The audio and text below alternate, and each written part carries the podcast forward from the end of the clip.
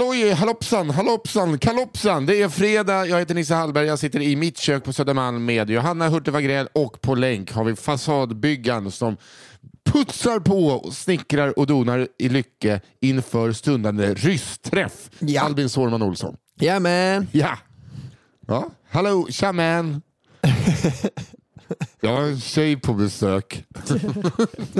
Ja, Nisse har varit helt till sig här sedan jag kom. i ögonen ens. Ja, jag, jag satt och skulle fixa ljudet. Det var som att du bara, hallå, jag är här. Varför pratar du inte bara med mig? Killar. Eh, och att jag skrev i gruppen, dörren är öppen, så sitter jag här och bara typ andas så att jag hade varit vaken i tre minuter. Bling blong! jag har så dåligt morgonhumör. Så gick jag upp mot dörren och sa så här, Åh, Johanna! Så, så öppnade jag med foten för att jag inte orkade gå hela vägen. Fram. Ja. Men sen dess har du varit på bra humör. Ja, ja, alltså jag är på bra humör. Men det är väldigt svängigt när jag är nyvaken. Det är Ja, men lite... du är en sån som när personen inte är där kan du vara så här, fy fan för den. Och sen kommer den och du bara, "Ah, jag tycker ändå jättemycket om Ja, den. ja, nu ska vi inte säga att jag tycker jättemycket om det. Jag ty- Mig tycker du jättemycket om. Ja, det gör jag tyvärr. det gör jag. Hej, jag heter Johanna Hurtig Wagrell och är också med i den här podden. Det är din podd. Du är ju som lejonhonan Usch, ta bort mig härifrån. och jagar sponsorer så att männen kan äta.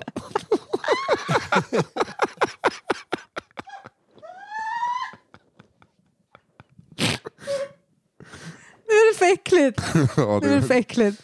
hur är det Okej, det var allt för den här veckan. Hejdå.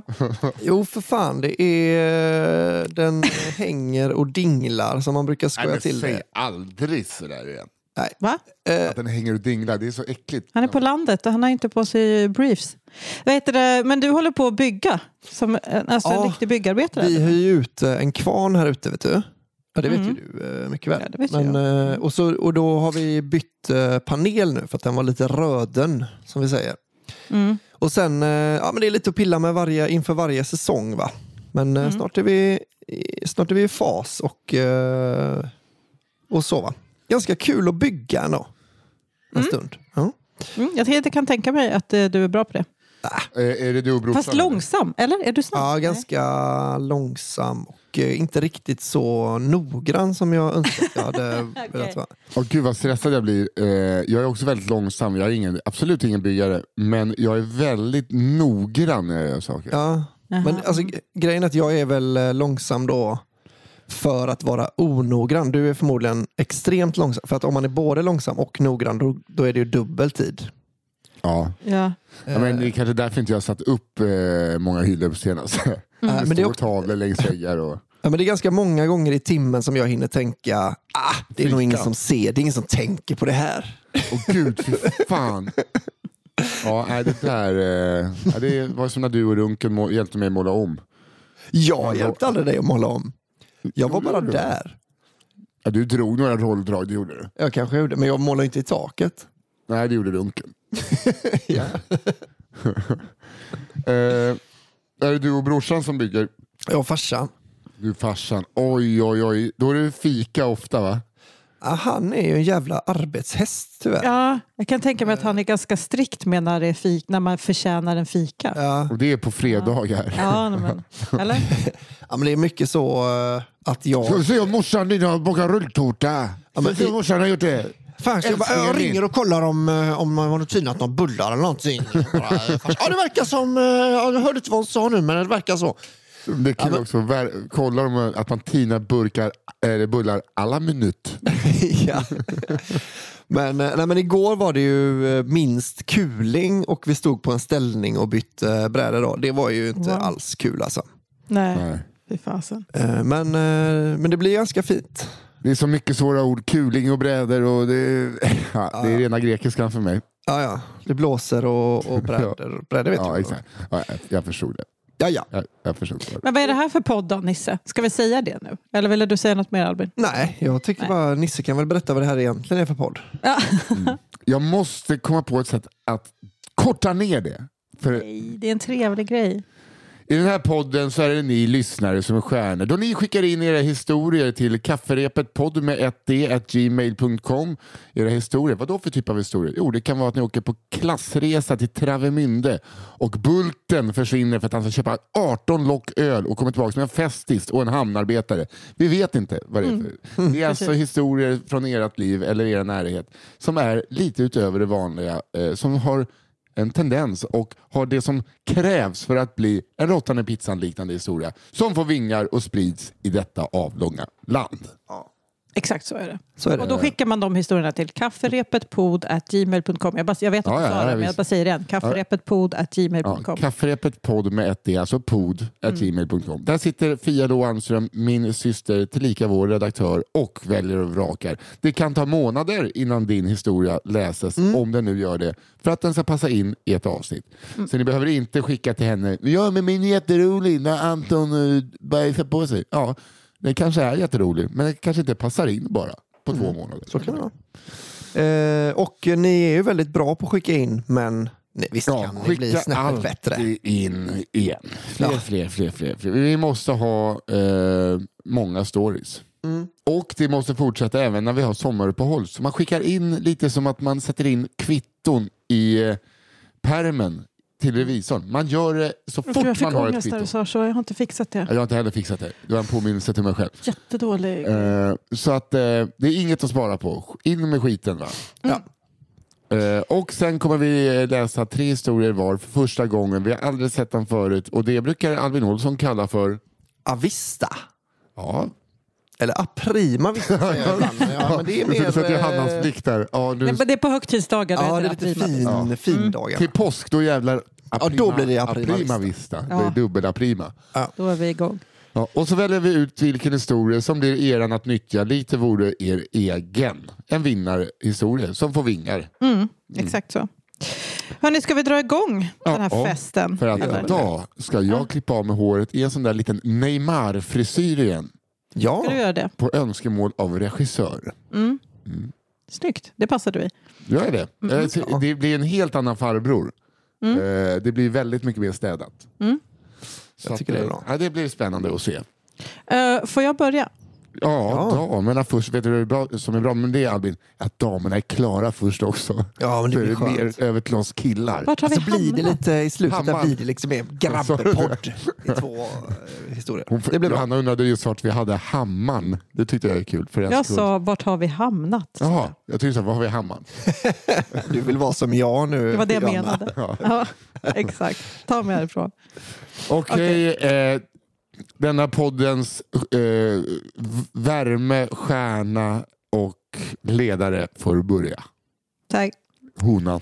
Ehm, om jag är död så vet ni att jag är under golvet hos Nisse. Varför menar du så? All right. eh, den här heter Nudes hos frissan. Här kommer, Nudes. Alltså nakna? Nudes, ja, Ja. Som är nakna bilder. Här kommer en story från underbara Göteborg. Jag jobbar som frisör och vi har en färgserie i vårt färgmärke som heter Nude. Ja, vad kan gå fel med det undrar ni? Denna soliga dag har jag en ny kund i stolen, 40-ish, som vill ha en härlig blond färg. Jag som älskar dessa nude-färger tänker att jag måste visa henne. Jag tar upp min telefon, googlar nude blond.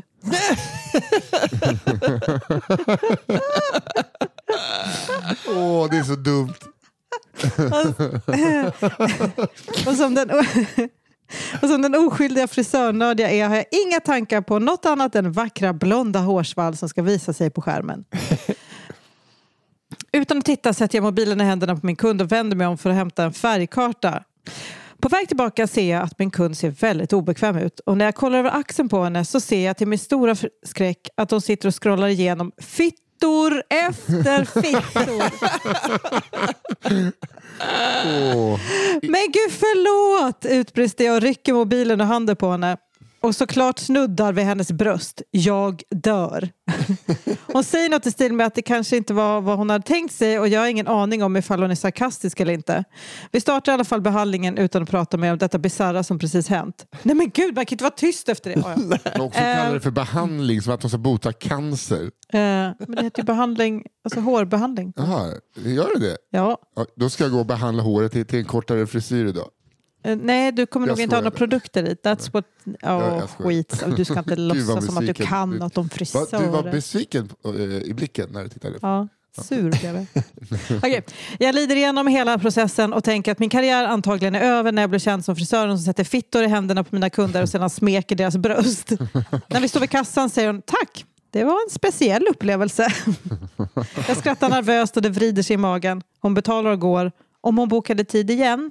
Jajamän! Hon är numera en stammis hos mig och vi har skrattat gott åt detta. Slutet gott, Ja. allting gott. Ja, vad härligt. Men det var otroligt, otroligt så här, eh, brain freeze moment. Att man bara, ah, nude blonde, så googla, sen bara, hej då. Ja, men också kul att det är tyst när man står och ska...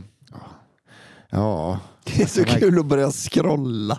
man kan verkligen eh, säga att gud, alla är väl skapta på olika vis. Men det ser ut som en fetta i håret eller? Det är schysst också eh, om hon har gått- därifrån med bara en liten tofs i pannan. en lång tofs. En liten porrtofs. Landningsbana bara. Åh gud vad roligt. Det är det du ska få idag Nisse. ja, jag ska bara ha en liten, liten, liten, liten, liten sån kissetofs ut i pannan. Mm. Ja. Ja, Albin, det känns som att du sitter till höger om mig. Ja, men då gör jag väl det. Då kör jag då, då va? Yes. Här kommer Blomman, blad, en miljard. Den klockan hade inte jag kommit ihåg. Den minns man inte riktigt. Nej. Denna historia Va? utspelar sig Vadå, den minns man inte? Vad sa du? Vad menar ni? Ja, men det är så- man räknar. Ja, jag kan räkna till en miljard. Blomman, blad, en miljard. Alltså, Aha. så man. Ja. Var det så man gjorde? Ja, En barn... Eh, barn Ja, ja, alltså, jag fattar. Jag trodde bara att ni... Jaha, den gamla storyn, den minns jag inte. Jaha. ja, men den här kan Ja, jag har inte vaknat, förlåt, jag har verkligen inte vaknat än. Albin Sårman Olsson, Ja. kul att du är här. Denna historia utspelar sig för cirka 17 år sedan. Sista året på gymnasiet. Jag gick i en ganska stökig klass. De eh, flesta på barn och fritid sökte sig till den linjen i tron om att det var en barnlek. Alltså, vi tog inte skolan på största allvar med undantag för rövslicka Josefin. Som alltid tog... Och älskar när det blir personangrepp. Någon som var lite duktig i skolan. Man hör att den här personen säkert fortfarande har... ruven. Eh, hon tog alltid första parkett och ofta ställde följdfrågor som resulterade i förlängda lektioner och förkortade raster. Fy fan vilken vidrig. Ja, hon kan dra åt helvete. Vi hade dock väldigt roligt under våra lektioner och därför kände jag alltid stort förtret och FOMO inför mattelektionerna. Jag var den enda i klassen som hade extra svårigheter med koncentrationen och hade därför specialmatte med yllekoftan Torbjörn. Han kom alltid med stora högljudda suckar och släpande toffelljud in i lektionsrummet och hämtade mig för en säker transport in i specialrummet för speciallektion för special underbegåvade som mig. Men Otroligt kul fråga, uttryck. eh, Här, eh, hur menar hon att hon fick FOMO? Ja, men för att de hade så kul i det andra rummet så kom, det, Jaha, okej, kom en okej. Torbjörn och hämtade Sen, henne. aha, sen rullade de iväg henne. Ja, eller honom då. Ja. Eh, Antar om det är du som läser så är det väl en han. Ja, jag brukar alltid utgå från det. Torbjörn försökte inte dölja hur trött han var på att eh, få vara den där läraren som fått mig under sina vingar. Och jag valde alltid att under varje lektion utnyttja det till max. Trots Torbjörns hjältemodiga ansträngningar så slutade alltid mina uträkningar med att skriva Spaghetti makaroner 10 miljoner i ekvationsrutan. Det blir så tajt om Åh, plats. så taskigt. Exakt. Jag ville ju vara med mina kompisar i det vanliga matterummet, inte själv i en gammal omgjord städskrubb tillsammans med Torbjörn och hans kaffetandstensandedräkt. Då är det Åh, bättre att Gud. försöka skriva rätt svar. tror jag. Kaffetandstens andedräkt, det är så Nej, jävla fy fan vad vidrigt. Ja. frivillig fotbollstränare. Ugh. Nej, men också så här, tror att du kommer få lämna CP-skrubben om du fortsätter skriva kaffe, makaroner, Det är så konstigt. 10 Nej, nej, miljoner. nej. Att han till slut bara ska ge upp. Äh, Du kan inte, du kan, du kan aldrig lära dig eh, matte. Så det går inte detta. Eh, just den här dagen var Torbjörn extra trött på mig och min obegåvning. Jag var helt inkapabel att sitta stilla, lyssna eller ens förstå de enklaste uppgifterna han gav mig. Han ställer sig plötsligt upp och med svart blick skriker han. Jag är så jävla trött på elever som dig och man kan tro att ni driver mig till vansinne för skojs skull. Men är det vansinne du vill ha så ska du få det! Åh gud. Jävlar! Sätter på sig sin Darth Vader-mask och hämtar svärdet. Okej, backa. Han pekar sedan på dörren och säger Nu går jag och, och den här dörren kan bara låsas upp från utsidan och du sitter kvar. När jag kommer tillbaka då är det bäst för dig att du gjort färdigt dina uppgifter. Ut gick Torbjörn och för att visa sitt allvar smäller han igen dörren och snabbt som ögat låser han den från utsidan. Jag måste sticka in att Torbjörn inte på något sätt är hotfull för mig trots att jag eh, då är en tjej på 16 år. Dock är jag lite chockad. Jag ville ju bara vara med mina kompisar. Min kreativitet sätter genast i högsta växel. Flyktväg. Vart kan det finnas en flyktväg? Det Alltså ett- det är så himla typiskt en 16-åring att vara så empatistörd. Ja, alltså, ni vet, de är inte klara så när någon bara ballar ur då är de så här Okej, hur löser jag det här för mig nu då? Bara, eller, så säger, eller så tänker du stackars honom, han var uppenbarligen dåligt. Ja, men så där, vi var ju sådär i högstadiet. Ja, Eh, Det var en, ja, ja nej, jag var inte heller en bättre. eh, eller där var inte jag en del av, men det var så jag kom in i gänget. Typ. De, så fort de såg en, eh, en hemkunskapslärarinna så sprang alla killar åt andra hållet och skrek typ, som att de var rädda tills hon bröt ihop Mm. totalt. Och det är så jävla hemskt. Mm. Fruktansvärt. Men en mattelärare ska ha lite mer Jo, skinn på näsan. faktiskt. Eh, Men det finns ett litet fönster och trots att vi är på högsta våningen tänker jag att det kanske är möjligt. Jag öppnar och märker att vi befinner oss faktiskt bara ett par rum bort från de andra normalbegåvade eleverna i min klass. Och hoppet väcker modet i mig. Det finns en liten avsats eller kant man med lätthet kan gå på om man håller sig i fönsterbrädorna. Jag klättrar ut och försöker stänga igen fönstret efter mig så att allt spår om min flyktväg raderas vid första anblick.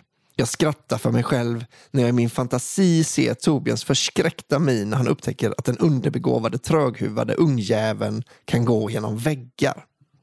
Väl framme vid mina klasskamraters yttervägg knackar jag försiktigt på rutan. Min bästa vän Sanna öppnar åt mig och jag smiter in så smidigt att vår mentor inte upptäcker detta. Rövslicka Josefin får syn på mig men tappar snabbt andan då jag med en linjal och min nyss urtagna snusprilla hotar att skjuta henne på henne om hon inte är tyst. Åh gud, jag älskar den här tjejen. Gift dig med mig. Åh gud, vilken... Otroligt du- kul. Men hon, har, hon har blivit en kvinna i Hallbergs smak. Ja. Eh, otroligt nöjd och adrenalin eh, stint drar jag upp matteboken från byxlinningen och börjar lydigt att göra mina matteuppgifter från Torbjörn. Plötsligt öppnas dörren. Torbjörn står där med tårar i ögonen och diskuterar med vår mentor. Med skräck i ögonen möts våra blickar. Hans ögon smalnar av och ser hotfull ut för att sedan som i en fingerknäppning återta en mer likgiltig försvarslös blick. Med enbart en blick hade vi gjort en överenskommelse. Han kan ju inte på något sätt berätta att han låst in en elev i ett rum och tagit ifrån henne sin frihet att gå. Han kan därför inte heller berätta att jag lämnat lektionen mot hans order. Jag nickar lite prövande, han nickar tillbaka lite lätt och säger Emmy kommer hädanefter inte ha några lektioner med mig. Jag anser att hon kommit ikapp så pass mycket i matten att hon kan vara med er andra. Han tittar på mig igen och ler. Han inser nog att han själv vunnit lika mycket som jag gjort. Jag gick Ja. ut gymnasiet med ett tacksamt G i matte. I vuxen ålder kan jag förstå hans trötthet och oengagerade, eh, på oengagerade elever. Men jag skulle ändå inte ändra på något. Jag har i alla fall högsta betyget i street smart.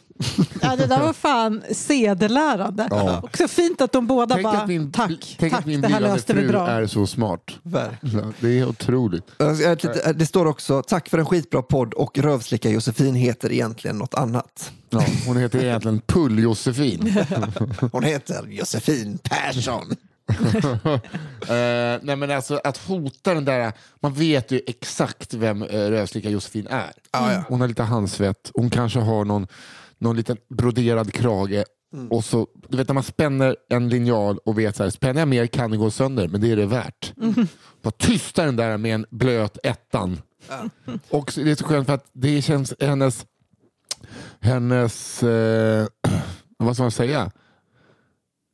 Inte värv, Nej, men alltså, det hon gör då hon flyr, allting är så jävla... Det är så jä- ett så grabbigt beslut allting. Verkligen. Får man säga så? Och det gör det mer glädjande att det var en tjej och inte en kille. Ja. Ja, det var en väldigt bra berättelse. Hade det varit en snubbe som hette Jonny hade det varit fett ocharmigt man hade bara tyckt ännu mer synd om läraren. Ja. Nu känns det som att det är en vinst. Ja, nu var det mer likvärdigt. Ja. Det har varit smartare av tjejer att göra mer grabbiga saker. Ja, för att de, det blir så charmigt och, och liksom på ett helt annat sätt än om Ja. en kille gör det. Gör precis som killar bara. Och så Ja, killar var ju- som killar tjejer, sluta vara som killar, tjejer. Lägg av. Vad Killar händer får ju bara med lägga av. pick me girlsen? Exakt. Fler pick me girls tack. Jag vet inte vad det är. Eh, då läser jag min första då. Yeah. Kör. Vi är sponsrade av Sonex. Mitt enda nikotinpåseföretag. Mhm. Inte det enda, men det enda som gäller något för Nissehall. Livets enda. Ja, livets enda. Det, det är ju bra med sådana nikotinpåsar om man vill fräscha upp livet på ett lite härligt Ja, vis. på ett härligt sätt. Och kolla, borsta jag tänderna. Nej, jag skapar ett beroende. exakt, exakt. Men det finns ju de som inte har testat, alltså som kanske eh, snusar eller så, eller är intresserade, men de har inte testat och så känner man, gud vad onödigt att hålla på och slänga pengar på det. Ja, vet du Ja, vad man gör då? Om man nej. tycker att det är en onödig utgift Mm. och hålla på och testa något nytt hela tiden. Eh, så gå in på zonexonline.se och beställ en gratis dosa. Mm. Sån jävla grej. Mm. Jag eh, vill då rekommendera eh, Mint Breeze. Mhm, No you won't sister. Jag är en, jag är en cold blast kille. Är du en cold, Jag trodde aldrig jag skulle säga det. I'm a cold blast kind of a guy. cold blast är också gott faktiskt. Man kan kanske också känna så här, vet du vad, jag betalar gärna för mig. Det här har jag testat innan. Eller, vad, eller så har man inte gjort det, men man, man känner ändå, vet du vad, jag har de här pengarna. Jag har det. Då, då kanske man ändå känner, finns det en rabattkod? Ja, Och det finns det. Ja, den är kafferepet 80. Alltså kafferepet 80. Ja. Ett ord. Då får man ett fempack för 99 kronor istället för 139 kronor. Det är, ändå 40, alltså det är ganska bra, procentuellt otrolig ja. rabatt. På snusbolaget.se. Mm, mm. Kafferepet 80 alltså. Men kom ihåg, för att använda Sonex så måste du vara 18 år för att det är superberoendeframkallande. Nikotin ja, Ja, det är en grej. det är kanon. Men är du fine med det, då är Sonex någonting för dig. Mm. Och det tackar vi Sonex för. Tack verkligen. Sonex! Tack. Rädda kvinnan! Eh, Jag vet inte om det är Rädda kvinnan eller Rädda den kvinnan. Aha, Jag just att det är Rädda kvinnan som är någon som sjunker. Hej! Tack för alla era härliga skratt ni bjuder på i mina lurar. Här kommer en av mina kortare historier från ett liv som innan 30 år fyllda redan är fullt av sjuka minnen att gå i pension på. Låt mig presentera Rädda kvinnan. Vi befinner oss i min och min bästa vän Jontes lägenhet som ligger ovanpå Systembolaget vid Salahallen i Göteborg. Åh, Salahallen i Göteborg. Mm, mm, det kan man riva. Vadå mitt emot, vad fan bor de på eh, Avalon Hotel då eller? Det finns ju inga bostadshus där. Men var det inte ovanför eh, ett Sala? Nej, det kan det inte vara. Jontes lägenhet som ligger ovanpå Systembolaget vid Salahallen i Göteborg. Ja, ja. Okej. Vi är runt 23 år gamla och hyr en runt 180 kvadratmeter stor lägenhet som vid denna tidpunkt kan ha varit en av de finaste hyreslägenheterna man kunde få tag på. Ja men verkligen får man säga. Eller rättare sagt kunde ha varit. För vi båda var som sagt 23 år och brydde oss om vårt gemensamma kontor som var påkostat medan resten av lägenheten var minst sagt spartanskt inrett. Ja, det var väl en saccosäck med en, en toarulle bredvid. Typ. Kan jag tänka mig. För att om vi säger så här, killar, det är väldigt få killar som bor själva som inte så här, ah, har du några tavlor? Ja, jag hängde upp några på spikarna som redan satt. Ja. Eh, brukar det vara. I det 100 kvadratmeter stora vardagsrummet med två enorma pelare som tonade sig upp mot takhöjden på hela 6 meter var allt vi hade en enormt stor matta som den förra ägaren hade lämnat kvar åt oss. Och en liggmadrass till vår vän Oscar såklart i ett hörn på lördagar när Berså hade stängt. Ja, det var en konstig mening. Men ja, Oscar får ligga där och sova ruset av sig antar jag. Just det. Det ekade tyst och tomt resten av veckan där. Fram till en kväll när min kompis kommer in till mig med en stressad uppsyn och säger att jag måste komma ut till vardagsrummet och lyssna. Jag som är fullt inne i en luftburen strid eh, i spelet Battlefield ber min polare vänta, men det kan han tydligen inte. Jag går med honom dit och känner genast en kall kår som går genom hela kroppen. Jag hör en kvinna som skriker. Högt och extremt plågsamt. Det måste komma från lägenheten bredvid.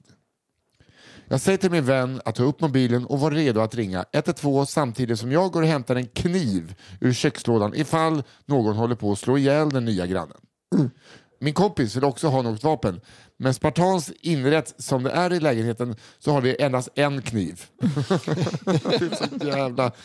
Oh, man, bara, man kan bara skära en sak åt gången. Uh men jag tar eh, i alla fall med en liten sax ur kökslådan till honom och ger den till honom och vi tar oss i rask takt ut i trapphuset. Väl där identifierar vi rätt lägenhet och spänner öronen. Jag känner hur min puls når absolut klimax när jag hör förfärande skrik som kommer och går. Herregud, vad händer där inne? Hon dör! Hon dör! Ring 112! Säger jag till Jonte och bankar och ringer på dörren om vart och annat i all hast. Jag hör steg. Hon närmar sig. Någon vrider om låset och sen dröjer det. Vad fan? Var det öppet och personen låste? Hjärtat hoppar nästan ur kroppen när jag hör fotsteg igen och dörren öppnas långsamt framför mig. Jag gör mig redo med mitt vapen och Jonte med sitt. Så stod Jonte med saxen. Dörren öppnas och en bastant kvinna öppnar dörren och ser förvånad ut. Hej! Hon kollar på oss och säger Aha, förlåt. Eh, Jag är Johanna och är barnmorska.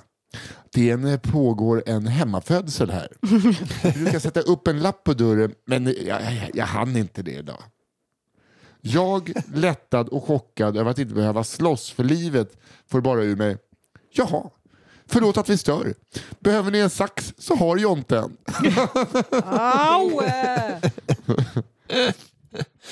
Hon konstaterar leendes att det går bra ändå och tackar för att vi reagerade och vi gick hem och la oss på vår stora matta och tackade gudarna för att vi var killar och aldrig skulle behöva genomlida det som vi precis hört. Slutet gött, allting gött. Kram på er. Vad kul om han hade fått komma in och klippa navelsträngen. Ja men vad bra, då kan du komma in här och klippa navelsträngen kanske. Bara, Ja, men alltså, alltså så här, på riktigt, jag, jag det här, nu kanske jag trampar på jätteömma tår. Men hemmafödslar, alltså om, när det är planerat, varför vill man, varför vill man göra så? det finns ju min mormor har... födde min mamma i den här soffan och min mamma födde mig och min bror i den här soffan och nu vill jag också ha en 50-50 situation på barnets överlevnad i den här Och min soffan. egen. Ja, exakt. Eh, det är men jag lite- tycker att det är... Men det kan ju vara, alltså för det första så kan det ju vara så att man eh, känner sig trygg med det. För det första. Eh, det är väl den viktigaste grejen. Men sen också att eh, vissa har ju skitlångt till BB. Jo, men, Men i Göteborg har man ju inte det. Eh, nej men alltså jag bara tycker, eh, alltså, jag, skulle jag, jag skulle bara vilja ha, ha vitt, kliniskt rent Ja, ja, gud ja. Och ha så här, okej, den här läkaren svimmar, vi har en till i rummet bredvid. Jag Ja, skulle vilja ha liksom, det är Ja. som att vi ska flyga till Amerika, ja, vi tar SAS va? Nej, jag har byggt ett eget plan. ja. Men Så alltså det. är ju eh, barnföderskor är så eh, curlade nu för tiden va? Det kan ju vara så. Ja, men jag vill gärna se, det, börjar en, eh, det börjar en blåvitt match då 1930. Det har varit rätt kul att få se. Vi har ju köpt biosystem, det har varit jävligt kul att se bara på våran egen TV. Ja men då kommer vi absolut, naturligtvis kommer vi hem till dig och, och, och lyfter ut barnet då. Ja, tröttsamt. Lyfter ut barnet. Ja, ja, Eller vad de gör. Du hade två barn va? ja, ja, ja. Ja, du var ju på Blåvitt match under de för, förlossningarna. det är bättre än surround sound om man är där. Varför måste vi vara två i rummet? ja exakt. Vad fan, jag, Jag jag, jag, säkert jag, satt födda. Jag satt och födda. Vad fan, hon är inte med när jag skiter. Jag förstår inte. Ja, ja, det är Johanna ja. Hon Ja. sitter där med, med telefonen i högsta hugg och bara kan ni sluta vara grabblig grabb, grabb, grabbiga, tänker hon. Låt en kvinna tala. Och det ska vi göra. Det ska vi verkligen. Eh, Den förtjusande Johanna Hurtig Otroligt obehaglig stämning på dig idag. Man är lite Men Det är raggig. som att jag är hög på trötthet. Eh, Jaha Johanna, då antar jag att du är tjej här så då får väl du eh, göra det du. nej, men det, slut, sluta. Nej men då ska väl jag vara tyst eftersom du är tjej så det är väl inte. Nej, så är det inte. Nej, så är det inte.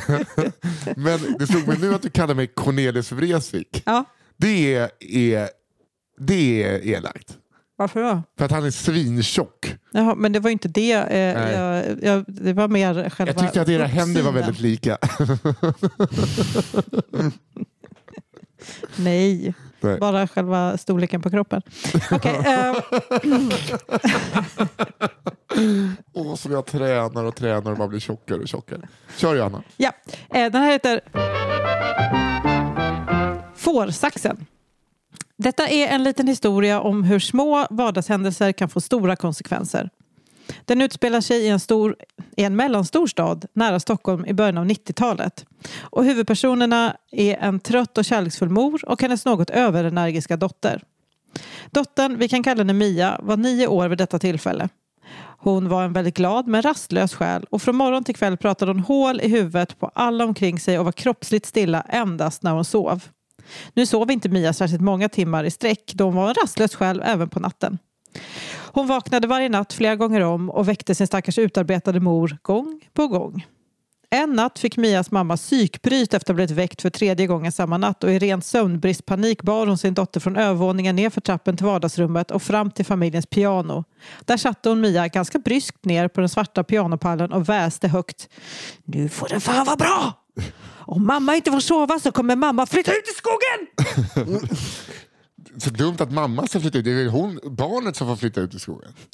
Ja men alltså som förälder, man tänker inte helt Jag ska, jag ska bo under mossa. Och tänkte nog gud vad mysigt att bara få vara i fred en stund i skogen. Okej.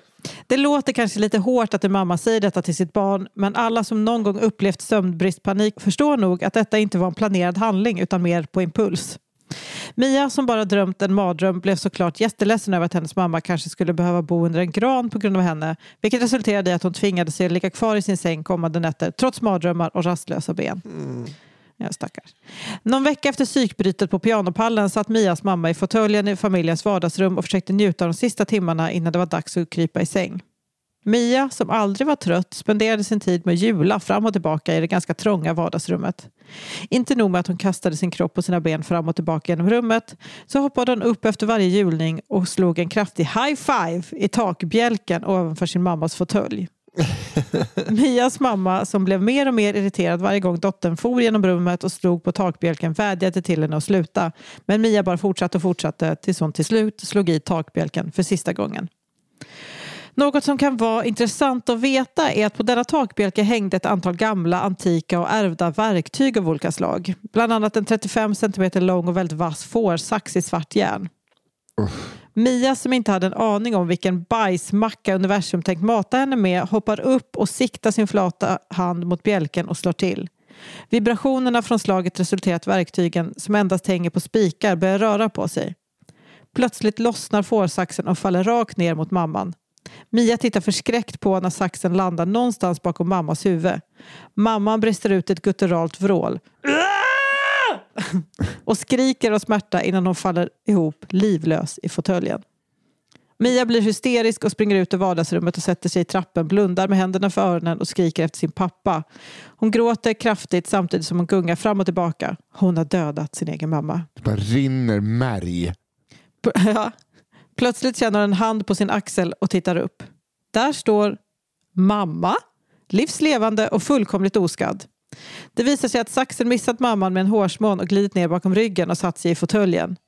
Mamman fick samtidigt en impuls att låtsas dö för att lära Mia en läxa. Nej men vad fan. Något hon med imponerande teatraliskt skådespeleri lyckades med. Hon insåg ganska snabbt att detta inte var hennes bästa infall. Dock fick det önskat resultat och Mia julade aldrig mer inomhus. Mamman tog också ner alla verktyg från takbjälken. Mamman och Mia har idag en nära och varm relation där de genom åren bett varandra om ursäkt många gånger för allt de utsatt varandra för, vilket är en hel del. Mia har även fått en ADHD-diagnos som förklarat hennes överaktivitet. Det var en liten inblick i min barndom. Tack och hej från Mia. Alltså, det är Gud, verkligen den här död. Arrested Development-tricket. Att man Ja. ringer han killen med- som har en handprotes, skrämmer barnen i alla lägen. Vadå Buster? Nej, alltså att det är någon sån här... Eh, pappan ha, ha, har en anställd som, som saknar en hand. Så är det typ så, om ni bråkar i baksätet så kör pappan på en gubbe så han tappar handen och så sprutar det blod över hela rutan. Och, då säger, och så vänder han sig som, om och säger, ah, det är bara han, men så här går det om man bråkar i baksätet. Och så är det liksom alltid att någon tappar en hand när man inte gör som pappan, som pappan vill. Ja, det är roligt. Det har varit väldigt eh, inledningsvis sådana eh, från min barndom. Eh, man vet så här, det här är inga råttan i pizzan. Det här Nej. är first person. Eh, Det är en shooter. Ja, exakt så som man säger. ja, är snickarglädjen. Ja, då kommer det nog en sån till här, Nisse. Jaha. Den heter Crunchy Taco. Oh, varför skulle det... Ja, gud. Nu. Mm, crunchy tago. Eh, jo, för nu ska du få höra. Ja. Det var en vacker sommardag för cirka fyra år sedan. Jag bredde en macka vid vardagsrumsbordet och kollade på en serie samtidigt.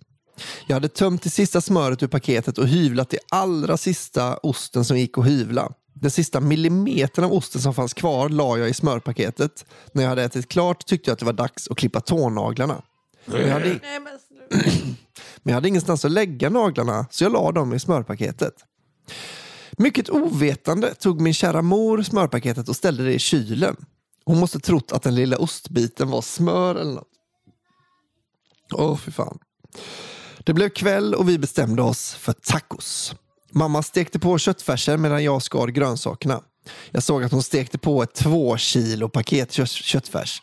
Sen såg jag smörpaketet och skräcken fyllde mina ögon. Jag frågade mamma om hon hade använt smöret ur det tomma smörpaketet och fick till svar att det var det enda smöret vi hade kvar. Så hon fick skrapa ur det sista. Sluta! Panik växte i halsen. Visste inte vad jag skulle göra. Äntligen kom modet till mig och jag berättade för mamma vad jag hade lagt i smörpaketet tidigare den dagen. Jag fick såklart möta djävulen själv personifierad i min mamma för jag hade förstört två kilo köttfärs. Problemet var dock att mina morföräldrar skulle äta med oss och vi hade ingen mer köttfärs. Eh, Men då mina morföräldrar hatar och slösar med mat och hade blivit arga om de hade gjort den upptäckten kom mamma på den smarta idén att servera köttfärsen till endast dem.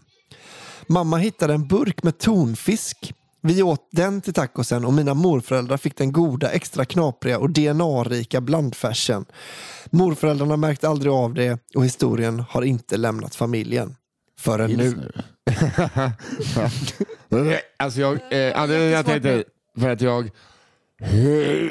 Ja, det är så Det här- jävla äckligt. Det här Alltså. påminner så jävla mycket om min kompis Philips polare som också satt, han Nej. bodde med sin brorsa och så satt de, eh, han satt eh, och klippte tånaglarna och så la han det i chipspåsen i, på vardagsrumsbordet, gick hemifrån. Sen när han kom hem på kvällen så är brors, brorsan gjorde det här skaket, ni vet, är det någon chips kvar? Och så rakar han till. Du vet, man Man drar i ja, nederhörnet. ja, exakt, ena hörnet. Och sen bara... Så det händer... Ja, det är så. Åh. Crunchy taco dinner. nu, nu lämnar Johanna Hurtig Wagrell rummet. Är det sant? Ja. Nej, jag har inte lämnat. Jag Nej, står bara. nej, Jag bara hon har tics. Hon står, hon står och slår sig i pannan. Ja. Hon är så konstig. Det är så äckligt. Åh, fy fan. Kvinnor är från Venus och män från Mars. Hörni. Oj, nu börjar hon gå med höga knän. Hon gråter. Åh gud. Jag tror att hon löper. Nej, men det, Nej, men alltså, det jag har aldrig sett henne reagera så här Albin. Det här är något helt nytt. Nej, men det, jag måste bara få reagera klart. Ja. Jag måste bara få reagera klart. Vi får ta bort det här. Vänta. Nej, jag tar absolut inte bort det här. Det är som att golvet är varmt. Jag var tvungen att dra byxorna från magen. Och hon blev så hungrig. Nej. Okej, okej, okej. Nu. Okej, ja. Okej. Ja. Ja, okej. Nu drar vi till lite byxan. Men vi kan fortsätta. Men vi kan... Eh, vi kan eh, Nu är det barnkalas hemma hos Albin. ja. Ja, det är, det är bara min dotter som gråter. Ja. Mm. Sånt kan man. Då kanske Ramona ska låtsas dö. Ja, det kanske börjar bli dags snart ja, så vi kan få lite bra ljud Kan du inte ge henne telefonen kan jag berätta om riktig sorg. Ja, Idun ska berätta för dig. Är det du nu va, Nissa? Ja, hjärtesorg gumman. Ja. Eh, Men jag vill eh, vänta lite tills du känner dig redo Johanna. Men Jag är, jag är, jag är Då redo. får du sätta dig. Ja, okej. Du kan inte stå där. Och nu drar hon lite byxan ner. Så. Så. Du är en väldigt älskvärd person Johanna Hurtig-Wagrén. Mm, Man det blir glad när du mår dåligt. Alltså, det låter fel. Jag Man- man kom ändå på häromdagen att mitt stora problem är att jag saknar likability. Men gud, det är det det enda du har. höll jag på att säga. Way to go. Det var väldigt hög likability. Okej, här kommer min andra historia då. Historia nummer sex. sex. Sex. Mammas kallprat. Hej! Och tack för en underbar podd. Det är faktiskt den enda podd jag lyckats få min mamma att tycka om. Åh, mami! Och jag har försökt med många. Därför tänkte jag skicka in en historia med just min mamma i huvudrollen. Det är elakt, tycker jag. Nej, det här kommer hon uppskatta. Hon är en sån eh, härlig mamma tror jag. You go mamma!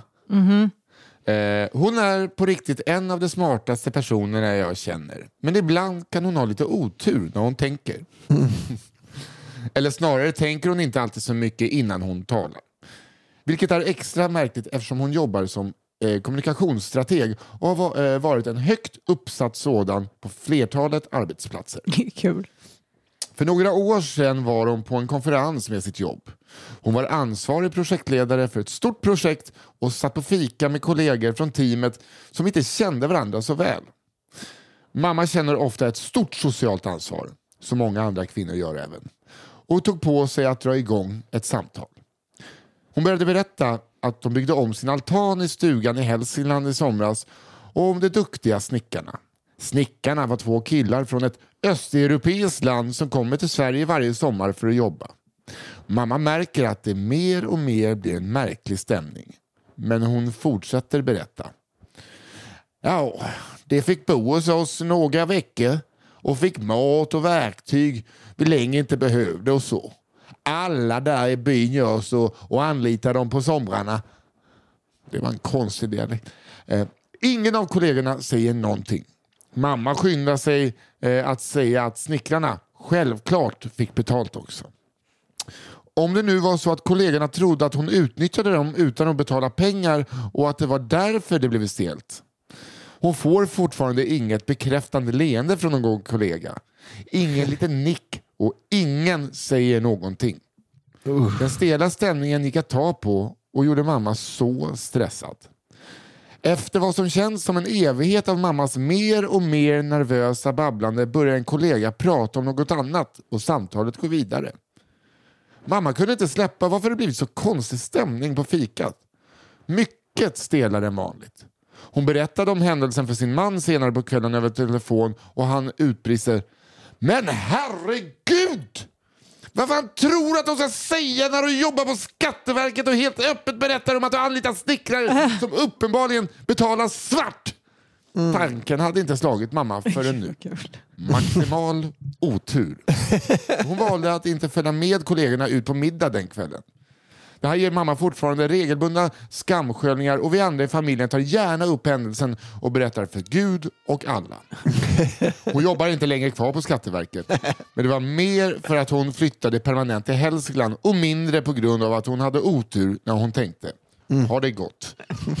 Otroligt kul. det är ändå fett att sitta där och skryta om sina polacker. Ja. Ja.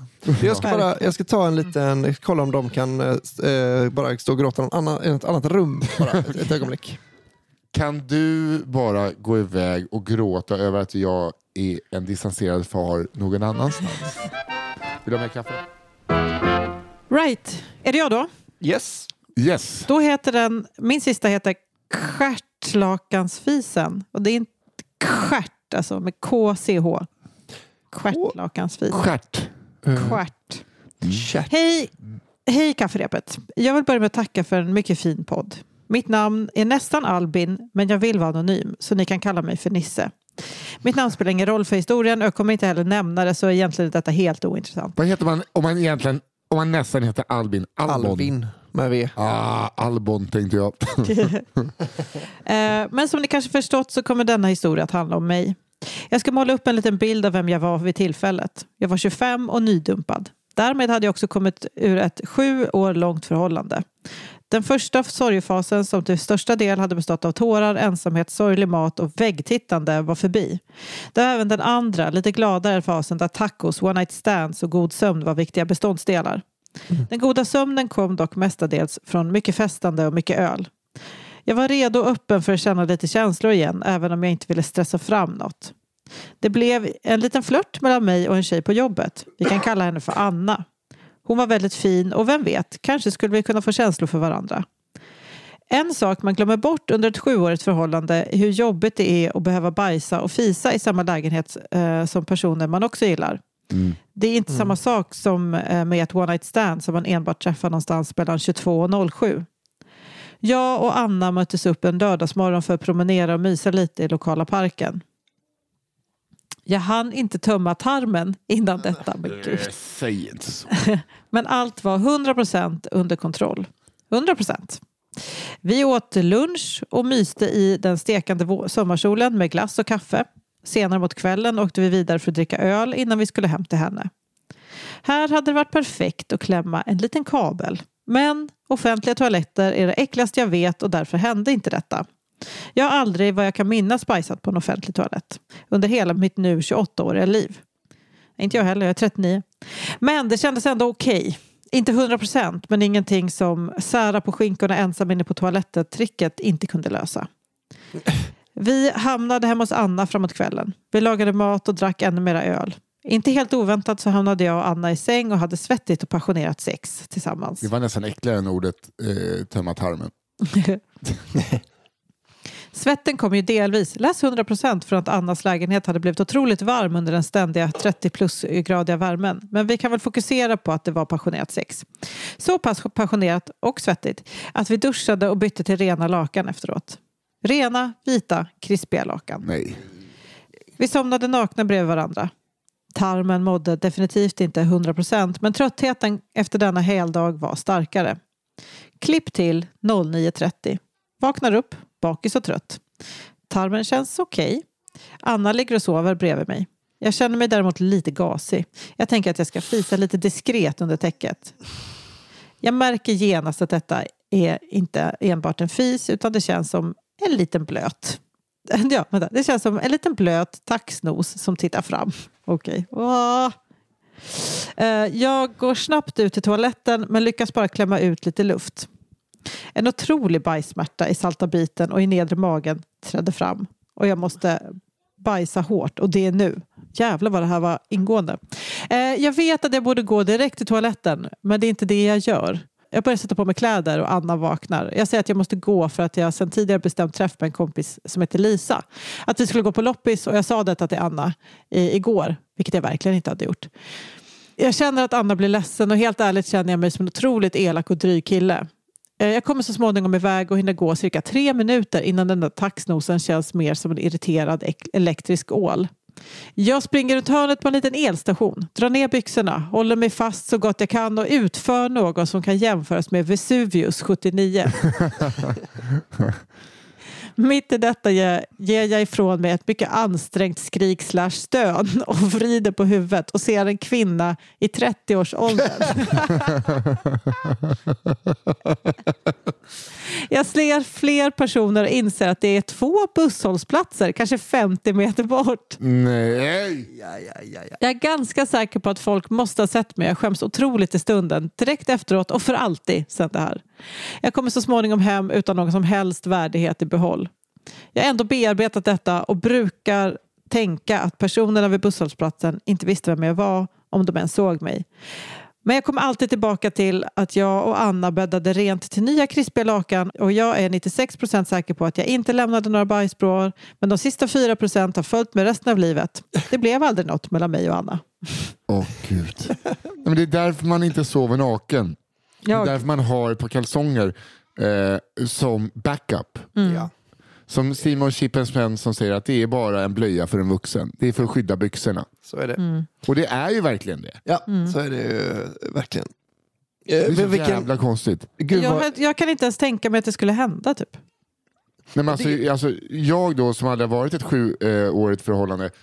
Eh, jag alltså, är jag tillsammans med någon. Jag har aldrig liksom pruttat eller jag mörkar ju att jag går och bajsar varje gång med en dusch eller bad eller när någon Såklart. sover. Eh, så att jag kan, ju, alltså, jag kan så relatera till de här magsmärtorna eh, som man ligger och kvider med. Vet, om Men man jag är med, men jag förstår inte hur det leder till att man bajsar på sig. Nej, då får man bara gå på toa. Nej, men alltså, eller, eller bara hålla sig. Nej, men jag, jag ser bara framför mig att han sitter bakom ett elskåp och håller den här eh, skriker. eh, tigerrandiga pinnen som stick, sticker upp. Så, Och så bara, åh, tja. hej. men vilken Lång härlig dag de verkar ha haft innan. Mm. Ja, innan han eh, taxnosade på hennes Ja. lakan och Man, blir väldigt Släppte sugen på en sån uh, börja dagen med liksom dagsaktiviteter, går över Ja. till öl, sen laga mat. Det är lätt mysigt. innan han förlöste magma. Du borde satsat på Anna, grabben. Albin, din sista. Yes. Innan du går tillbaka till Massarintornet och plankorna. Just det. Här kommer då sabreringskingen. Hej! Tack för en bra podd, varsågod. Denna historia handlar om min älskade vän som vi kan kalla Robin. Robin och jag är uppvuxna i en liten stad i Småland. Där vi träffades när Robin och hans familj flyttade in från en närliggande by i de yngre tonåren. Robin var en riktig fotbollstalang. Även om spriten tidigt räddade honom från sporten. Denna fotbollstalang tillsammans med en utseendemässigt eh, gynnsam genpool gjorde Robin till vår generations största häradsbetäckare i staden. Detta i kombination med dåligt ölsinne och en total skamlöshet har gjort Robin till en outsinlig källa till bra historier. Då jag själv alltid lidit av den värsta sortens kemisk bakfylleångest eh, ringer regelbundet Robin direkt när jag vaknat efter en utekväll för att få höra vad han har tagit sig för natten innan. Detta har alltid varit det enda som kunnat lindra min bakfylleångest då jag, efter att ha hört om Robins senaste eskapader, alltid kunnat tänka det var åtminstone inte så illa för mig. Gud vad fint att ha en sån kompis. Verkligen. Under dessa samtal har jag fått höra åtskilliga historier värda en dragning i kafferepet varav jag tänkte att ni skulle få ta del av åtminstone en. Denna historia är kanske den enda som faktiskt genererat bakisångest hos Robin själv som annars är helt befriad från sådana tankar. Och gud vad skönt att bara, ja, ny dag, nya möjligheter. Ja, Okej, tuff tuff. Vad gött alltså. Gud. Robin har, trots att han kommer från enkla medel, haft en fäbless för de finare sakerna i livet och ett kortsiktigt ekonomiskt tänk. Ett exempel på detta är från när vi var tonåringar och han sprang igenom en glasdörr på skolan och skar av diverse senor, nerver och en pulsåder i handleden. Pulsåder är så jävla kul. Ord och att de finns. ja. Det är som en tunnel fylld med liv Ja. som inte ska gå sönder. Förutom att detta resulterade i en permanent nedsatt motorik och känsel i handen så resulterade det också i en saftig försäkringsersättning om cirka 300 000 kronor. Oj. Denna summa när vi var 17-18 eh, och helt utan fasta kostnader blåstes under mindre än ett år på taxiresor i en stad där allt är på gångavstånd och champagneflaskor på nattklubben, läs den lokala pizzerian. Även om pengarna snabbt tog slut hade Robin fått blodad tand. Under de kommande åren gick sabreringssabeln varm hemma hos Robin. Dock oftare på en flaska billig kava än champagne.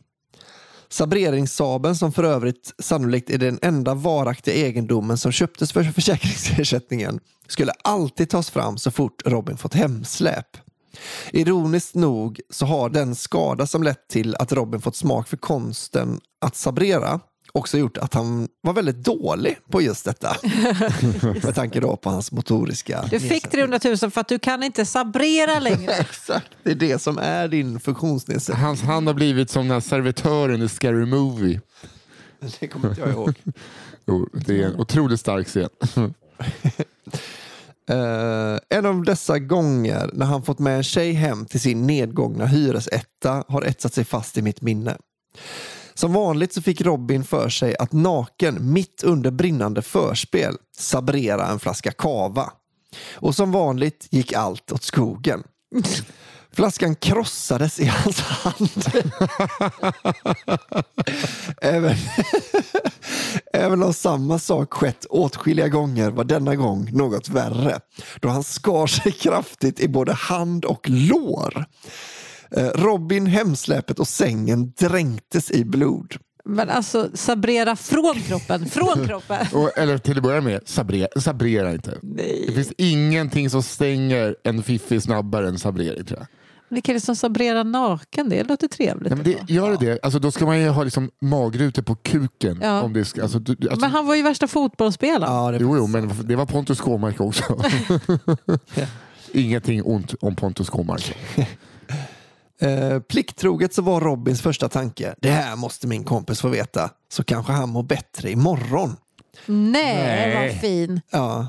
Robin, som inte är sen att spexa, tog därför en bild på den uppskurna handen liggandes i sängen för att addera ett extra lager till sitt al- Aha. För att addera ett extra lager till sitt alster så hade han givetvis lagt kuken i samma hand.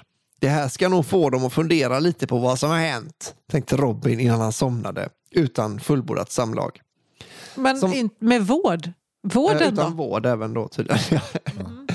Som vanligt när jag själv vaknade söndagen efter, ovetandes om vad som inträffat, ringde jag Robin och väckte honom. Samtalet utspelade sig ungefär så här. Jag frågade vart han hade tagit vägen kvällen innan och Robin svarade nöjt. Vilken jävla kväll det blev. Kolla Messenger. Efter att ha scrollat igenom mina meddelanden och konstaterat att jag inte fått något från Robin så sa han, vänta lite, så ska jag skicka det igen. Robin scrollar igenom sin telefon och noterar att han har sju missade samtal från sin mor. Nej. Efter en stund hörs, hörs ett avgrundsvrål från Robins sida av luren. Den blodiga dickpicken hade, istället för att skickas till mig, skickat till hans mor. Som eh, såklart blivit lika delar förskräckt som orolig. Vips så kändes min bakfylleångest, eh, så var min bak, bakisångest över. Eh, över att jag hälsat lite otrevligt på någon i kön till baren. Patetisk i jämförelse. Det är också så låg, låg ribba för bakfylleångest. Ja, men det är så man har eh, när man har Ja. kemisk. Robin hade ännu en gång botat mig från min plåga. Fan vad vilken, Ja, vilken jävla vän. vilken Ja. härlig person Robin verkar Mm, vara. Menar, skicka en blodig snopp till sin mamma, det är fan mörkt. Och sen gå och lägga sig. Ja. Och tjejen då? Den stackars tjejen, hon måste ha fått gå hem. Eller fått, hon måste hem. ha gå, gått hem. Vet, vet du vad, jag ska gå nu. Ja. Där någonstans. Ja, men kan inte du vara med på en bild bara? Men jag tror också att det var lite, alltså hon måste ändå varit lite så, fan det här kanske är min enda chans med Robin. Robin är han som alla vill ligga med hela, hela Ja. stan. Mm. Och då gör han den här grejen. Fan. Fan. Sån otur. Fick, eh, fick eh, a- 18 000 på försäkring. för, för den saboteringsolyckan. Ja. Okej, då har vi min sista då. Eh, och jag tror att man kan faktiskt nästan luta sig tillbaks lite. Ja, är så jävla lång var den inte. Men eh, man får luta sig tillbaks lite. Man får sätta sig i schäslongen. För här kommer den. Tribal Mats. Precis som Calvin. Eller Calvin, namnet. Jag växte upp i en mindre stad i Småland. Och det är där denna historia utspelade sig. Ja, det är mer Småland. Ja, Jag gillar mycket det. Jag flyttade till Stockholm för ungefär 20 år sedan och har sedan dess endast besökt min hemstad någon gång per år. Således vet jag inte om detta jag nu ska förtälja fortfarande pågår på stadens kommunala gymnasieskola. Året var 1998. Jag började gymnasiet på ett yrkesprogram och livet lekte. Jag gick i en trevlig klass. Lärarna var ganska gamla och tråkiga, men bra på att undervisa. Det fanns dock en lärare som stack ut från mängden. Han hette Mats eh, och var en man i 30-årsåldern som enligt de flesta i klassen var en riktig hunk. Han var vältränad, doftade gott och frisyren var alltid perfekt. Inte ett hårstrå låg fel på den perfekt ultrablonderade parsen med en spikrak mittbena. Det låter nästan som att de beskriver mig, eller hur Johanna? Dessutom var han eh, allt som oftast klädd i svarta spetsiga boots och en slängkappa av skinn. Slängkappa? Oj. Han var minst, Släng. ja, vad är det ens? Han var minst sagt en spännande och lite farlig lärare. Det tog inte lång tid innan man började tycka att den manliga läraren verkade uppträda lite konstigt. Han var klassföreståndare för de eleverna som gick sista året på yrkesprogrammet och ibland kunde man tycka att han var lite väl närgången när han pratade med en och en annan tjej eh, från klassen i korridoren. Det var inte ovanligt att se honom hålla tjejer kring midjan, smeka någon över ryggen eller nypa någon i baken. Mm. Vilken king. Okej. Eller Alltså vad det heter. hålla tjejer om midjan, bara det är så obehagligt. Ja. Han kom liksom undan med detta eftersom att han var hyfsat ung och lite het. En dask på röven från Mats var bara lite charmigt. Åh, Hur fan vad Mats satt hemma eh, och postsvettades hösten 17. Ja, gud, ja. Det började gå rykten om att Mats enligt tradition varje år omsorgsfullt valde ut en tjej från avgångsklassen att ligga med strax innan studenten. Detta var ju något som man inte riktigt trodde på. Men det fanns flera som vittnade om deras stora syrror minsann hade blivit hembjudna till Mats paradvåning inom parentes där det legat med Mats i hans 180 centimeters vattensäng. Ja, det är 180 centimeter. Det är alltså som två vuxensängar igen. ja, det är vattensäng. Det är bättre när man knullar. Man, behöver liksom, man bara sätter igång rör, eh, rörelsen. Sen gör, jag kan inte prata. Det är liksom, man, man drar igång jucket, sen sköter rest, eh, sängen resten. Jag det är mer naturligt. Ja, det, man tror ju det, men det är, alltså, det är det som är det man tror om vattensäng. Va? Men det är tvärtom, att man får mm. alltid, det är som att den motarbetar, det är som att föräldern står och håller emot nästan. Föräldrar? Hennes föräldrar. Står liksom och jag tänker att en vattensäng lite är som att man måste se den som en häst och bara åka med. ja. ja, så är det nog. Ja. Äh, äh, äh, 80 vattensäng. Åren gick och Mats flörtade som fan med alla möjliga tjejer. Plötsligt kom dagen då vi skulle börja sista året och få Mats som klassföreståndare. Vi var bara tjejer i klassen. Om det hade funnits killar tror jag inte att han hade vågat köra sitt race på samma sätt som han gjorde. Jag minns det som igår. Första dagen efter sommarlovet. Vi satt i klassrummet och skulle börja sista året på gymnasiet. Rätt som det var sparkades dörren upp. Mats kom in i klassrummet, satte sig framme vid katedern och slängde upp bootsen på skrivbordet. Sedan sa han, Jaha tjejer, gissa vilket märke jag har på mina kalsonger idag då? Det var alltså... Åh fy fan. Åh, sluta vara så Det var knäpptyst i klassrummet. Men sedan ställde han sig upp och började sakta men säkert gå långsamt runt mellan bänkarna samtidigt som han knäppte upp byxorna. Det enda man kunde höra var bootsens klackar som ekade mot det hårda betonggolvet. Plötsligt stannade han framför min kompis Hanna och drog ner halva byxan så man kunde skymta märket Calvin Klein. Jajamensan. Jajamensan, jag har Calvin Klein-kalsonger på mig sa Mats och drog sedan upp byxorna igen. Han fortsatte. Det är lite sån eh, jag är. En kille med smak, klass, med pondus, precis som Calvin.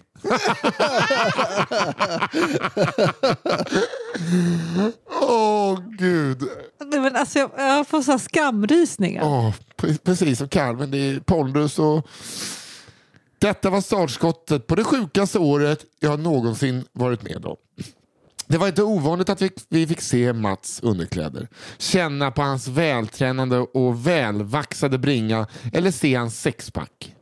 Han brukade även visa sina tribaltatueringar och berättade gärna om dess bakgrund. Gud, han sitter verkligen bara och väntar. Bara, när blir de eh, sista? För då är det okej. Ja, han är så jävla äcklig. Han är så jävla äcklig Mats. Ja, otroligt. En tribaltatuering han hade på överarmen var enligt Mats en symbol för hans känsliga men manliga personlighet. Jag är känslig, men manlig också då. Alltså så att jag är känslig men manlig. Strong men also cry. Strong men also cry. Eller så här, som i, alltså som i så cowboyfilmer. Att man, kan vara, alltså att man kan vara stark men ibland. Lite Man som är- eh, Schyffert målar upp en ryss som kommer liksom ridande barbacka eh, på en björn gråtandes. Ja.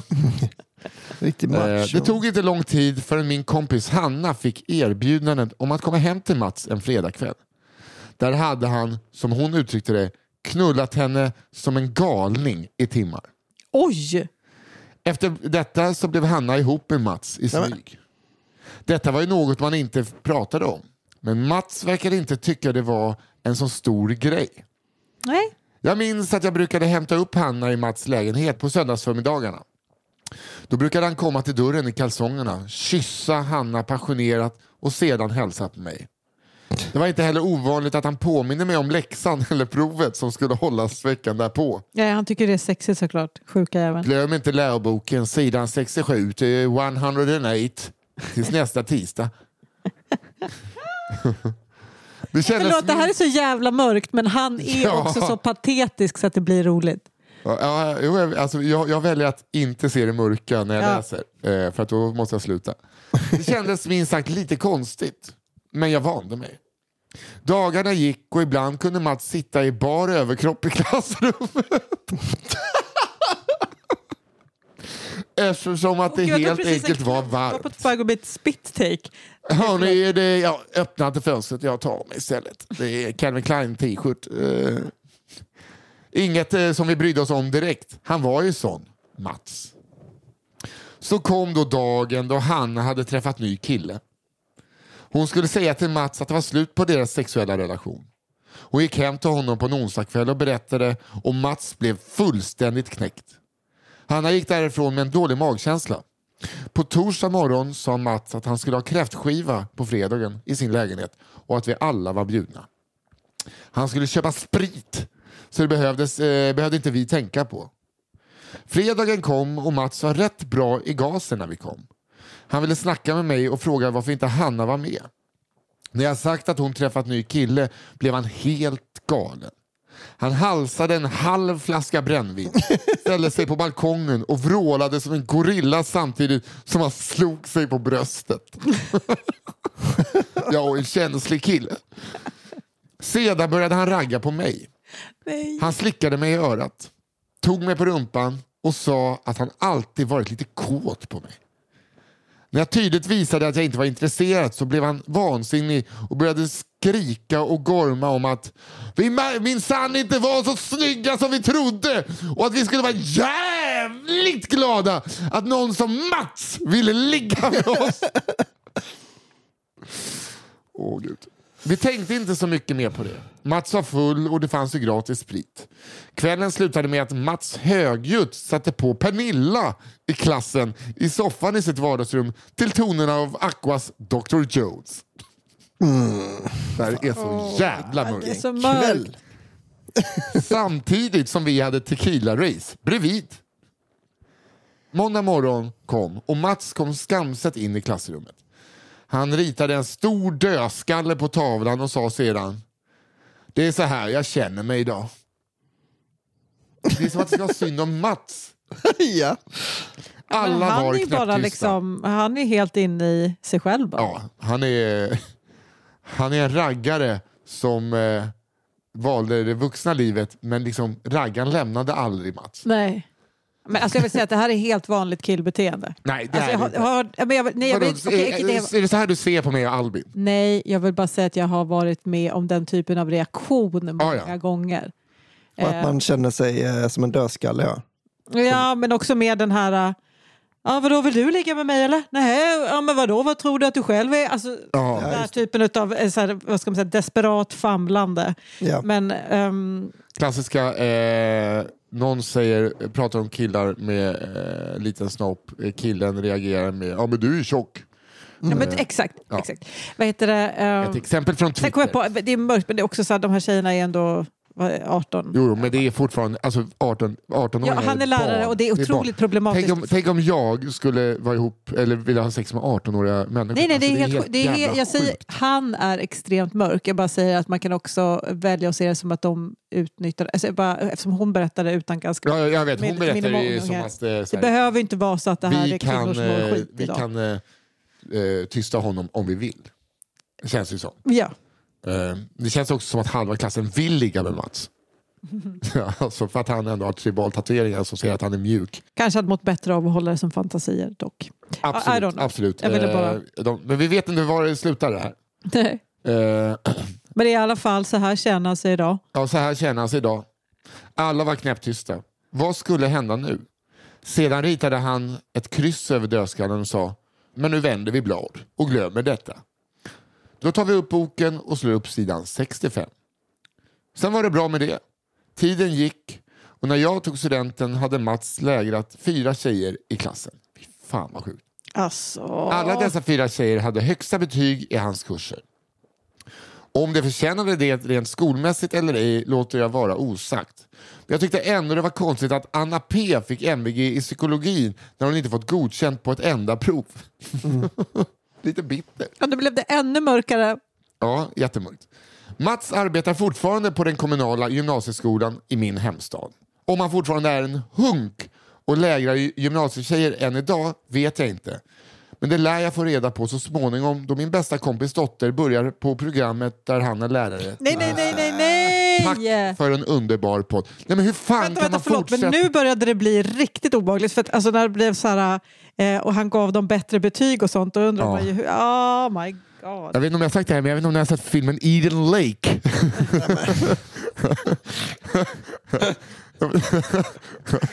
det här, jag vet inte om jag ska... Det här är... Det hade ju varit en sak Den om här de, historien hade ju platsat i min andra podd. Ja, det hade varit en sak om man bara fick säga ja, så satte vi dit det jävla svinet. Mm. Eh, nej, bara, nej, nu börjar, nu börjar eh, Ann-Charlottes dotter, hon börjar, hon har alltid velat lära sig sticka Jag hoppas och sy. inte hon knullar med han. Ja, det, är så, det är så jävla hemskt att Fast ska hon tänka in på då. högskolan så... Att så här, eh, hennes bästa kompis dotter börjar i skolan, blir då utnyttjad sexuellt av Mats. Sen kommer hon till, hon ska liksom, eh, gå igenom sitt trauma. Då kommer hon till den här jävla psykologidioten som inte fick G på ett enda prov. hon har blivit psykolog nu. så det är hon, hennes terapi hon får genomlida. Ja, men Åh, shit. sluta genast. Ni, får ju, ni, alltså, ni måste ursäkta att jag säger det här, men eh, ni som... Alltså, även fast vissa att de är myndiga, men är, de är fortfarande liksom blivit Nej, ja, utnyttjade nej, nej. av en Jag ville bara försöka, måste ju för jag trodde att det skulle komma den här jäveln. Va? Det instiftades ett nytt uh, rättssystem 17. Använd det! Bort med Mats! Ja, gud ja. Calvin Klein. ja, precis som Calvin. Ja. Pondus, läcker. Nej, nej, men alltså han har ju Men verkligen 98. förtjänat sin plats i Kumlabunkern. Eh, 98, det är alltså 22 år sedan, då, 24 år sedan. Eh, Mats är 55 idag, lite tunnhårig antagligen. Eh, mittbenen har blivit bredare. Han har blivit bättre på grooming gissningsvis. Mm, han är väl, Ja. Men han har ju också kvar sin makt eh, med att kunna ge MVG. Ja, han har kvar den makten. Vi Eller hade ju en, eh, en, eh, vi hade ju en eh, Du har lärare... tillgång till Snapchat också. Just det. Och gud, vi hade en lärare som var liksom en 28-årig snowboardkille när jag gick högstadiet och eh, hade det varit på gymnasiet kan jag säga att det, tjejerna hade stått på kö. Mm. Alltså så, här, så att man kan... Ja, jag var jättekär i min gympalärare när jag gick i gymnasiet. Det, Eh, det, är liksom, det du- händer. Glömde men- alltid klockan också så att han kom in i omklädningsrummet. Är det någon som har glömt en klocka? Woo! Nej, nej, han var inte intresserad. Eh, alls. Men vad heter det? Gud vad pinsamt det här känns och Ja. hemskt. Mm. Alltså pinsamt om man tänker på hans, eh, men också alltså, lite svårt att hämta sig från nästan. Men alltså så här, fattar du hur många gånger elever har varit förälskade i lärare och Ja. läraren är så här, nej men lilla eh, pojken eller eh, gumman, Vänligen. jag är, jag är vuxen, Ja. eh, inte Mats. Som det ska vara. F- Ja exakt, full blown fucking... Kom hem till mig så bjuder jag på sprit. Ja. Nej, för fan. Nej, Mats hugger vi kuken av. Ja, det tycker jag. Ja. Nej, men jag måste ändå sätta ner min eh, lilla, lilla, lilla fot här. Det lilla hov. jag trodde du skulle säga din lilla hora. din lilla hora. Ja, min lilla hov. Okej, konstigt. eh, det var väldigt mycket first person eh, Ja. idag. Verkligen. Det var, eh, det var både kul och eh, intressant och upprörande Ja. idag. Precis Eh, som kafferepet ska vara. Ja, Ja. det får vi säga. Eh, Johanna. Hurtig Wagrell, dra dina tre. Mhm. Då har vi nudes hos frissan. Just det. Den var bra. Den var bra. Eh, fårsaxen, Ja. mamman som fejkade sin död. Eh, och eh, stjärtlakansfisen som jag inte riktigt förstår varför den heter nu. Nej. Ja, men det var han som eh, sket bakom ett elskåp ja. Ja. med Stjärt. publik. Stjärt. Det är kanske är någon ordvits där. Jag vet inte. Eller felstavat. Jag har Blomman Blad en miljard. Den här eh, Spiderman-tjejen. Den gillade jag mycket. Eh, Crunchy Taco. Nej! Den gillar du inte så mycket. Och Sabreringsking. Och, och jag hade då Rädda kvinnan, alltså eh, hem, hemmafödseln. Mammas kallprat, hon som satt och skröt om sina gästarbetande polska vänner i, på Skatteverkets fika.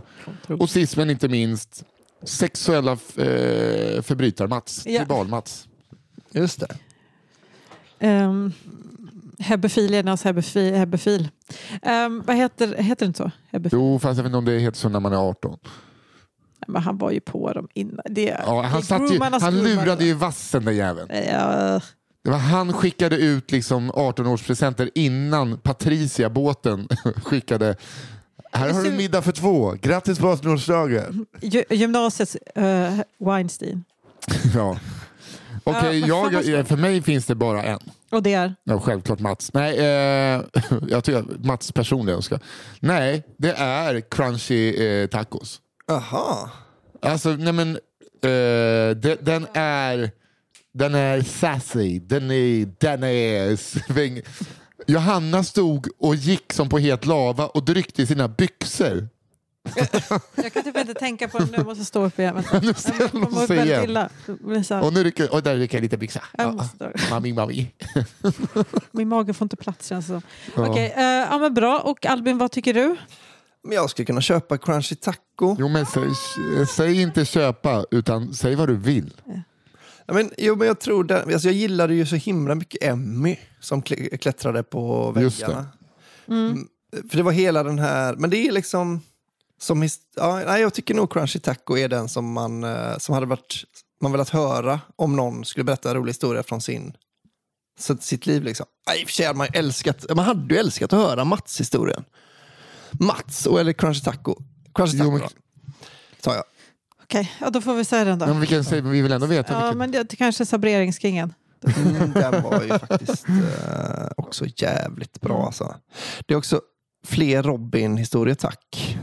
Såklart. Ja, Ja, just det. Det var han som eh, låg där med öppet sår. Att liksom handen blev som ett korvbröd. Och, Ja, eh, den är ju jävligt bra faktiskt. Ja. ketchup under korven. Nu snöar det sidledes ute. Vad i f- helvete? verkligen. Härligt. Eh, ja, men vadå? Så det blir alltså Taco-kingen. Vem var det som läste den? Det var jag. Det var din andra. Yes. Historia nummer fyra Mm. tar ni och bara lyssnar på om och om igen tills ni sätter den. Och så berättar ni den för alla. Den är allmängods nu. Ja. yes. Eh, tack för idag hörni. Ja, Verkligen. Tack som fan. Eh, ni får en trevlig helg och vill säga tack till eh, Fia Loanström som är vår redaktör och till Daniel Aldermark på One Touch Edit som är våran saxkille, våran fina eh, underbara klippare. Yes. Och tack till alla lyssnare. Och alla som har skickat in historier. Ja. Skulle också vilja eh, påminna om Cigarrummet. Den här månadens eh, avsnitt är med eh, Simon Gärdenfors. Ja. Och det blev väl väldigt roligt skulle jag säga. ja, det var det verkligen. Han är Eh, fantastisk. Så då Och- går man... Ja, förlåt, förlåt. Ja, förlåt, men om förlåt. man vill eh, lyssna på det då så behöver man prenumerera på den podden på underproduktion.se cigarrummet då. Exakt. Ja, Vad skickar man in stories då? Jo, till kafferepetpodd med ett d at gmail.com. Skicka in Eh, folk har så jävla dåliga självförtroende bara för att vi är komiker.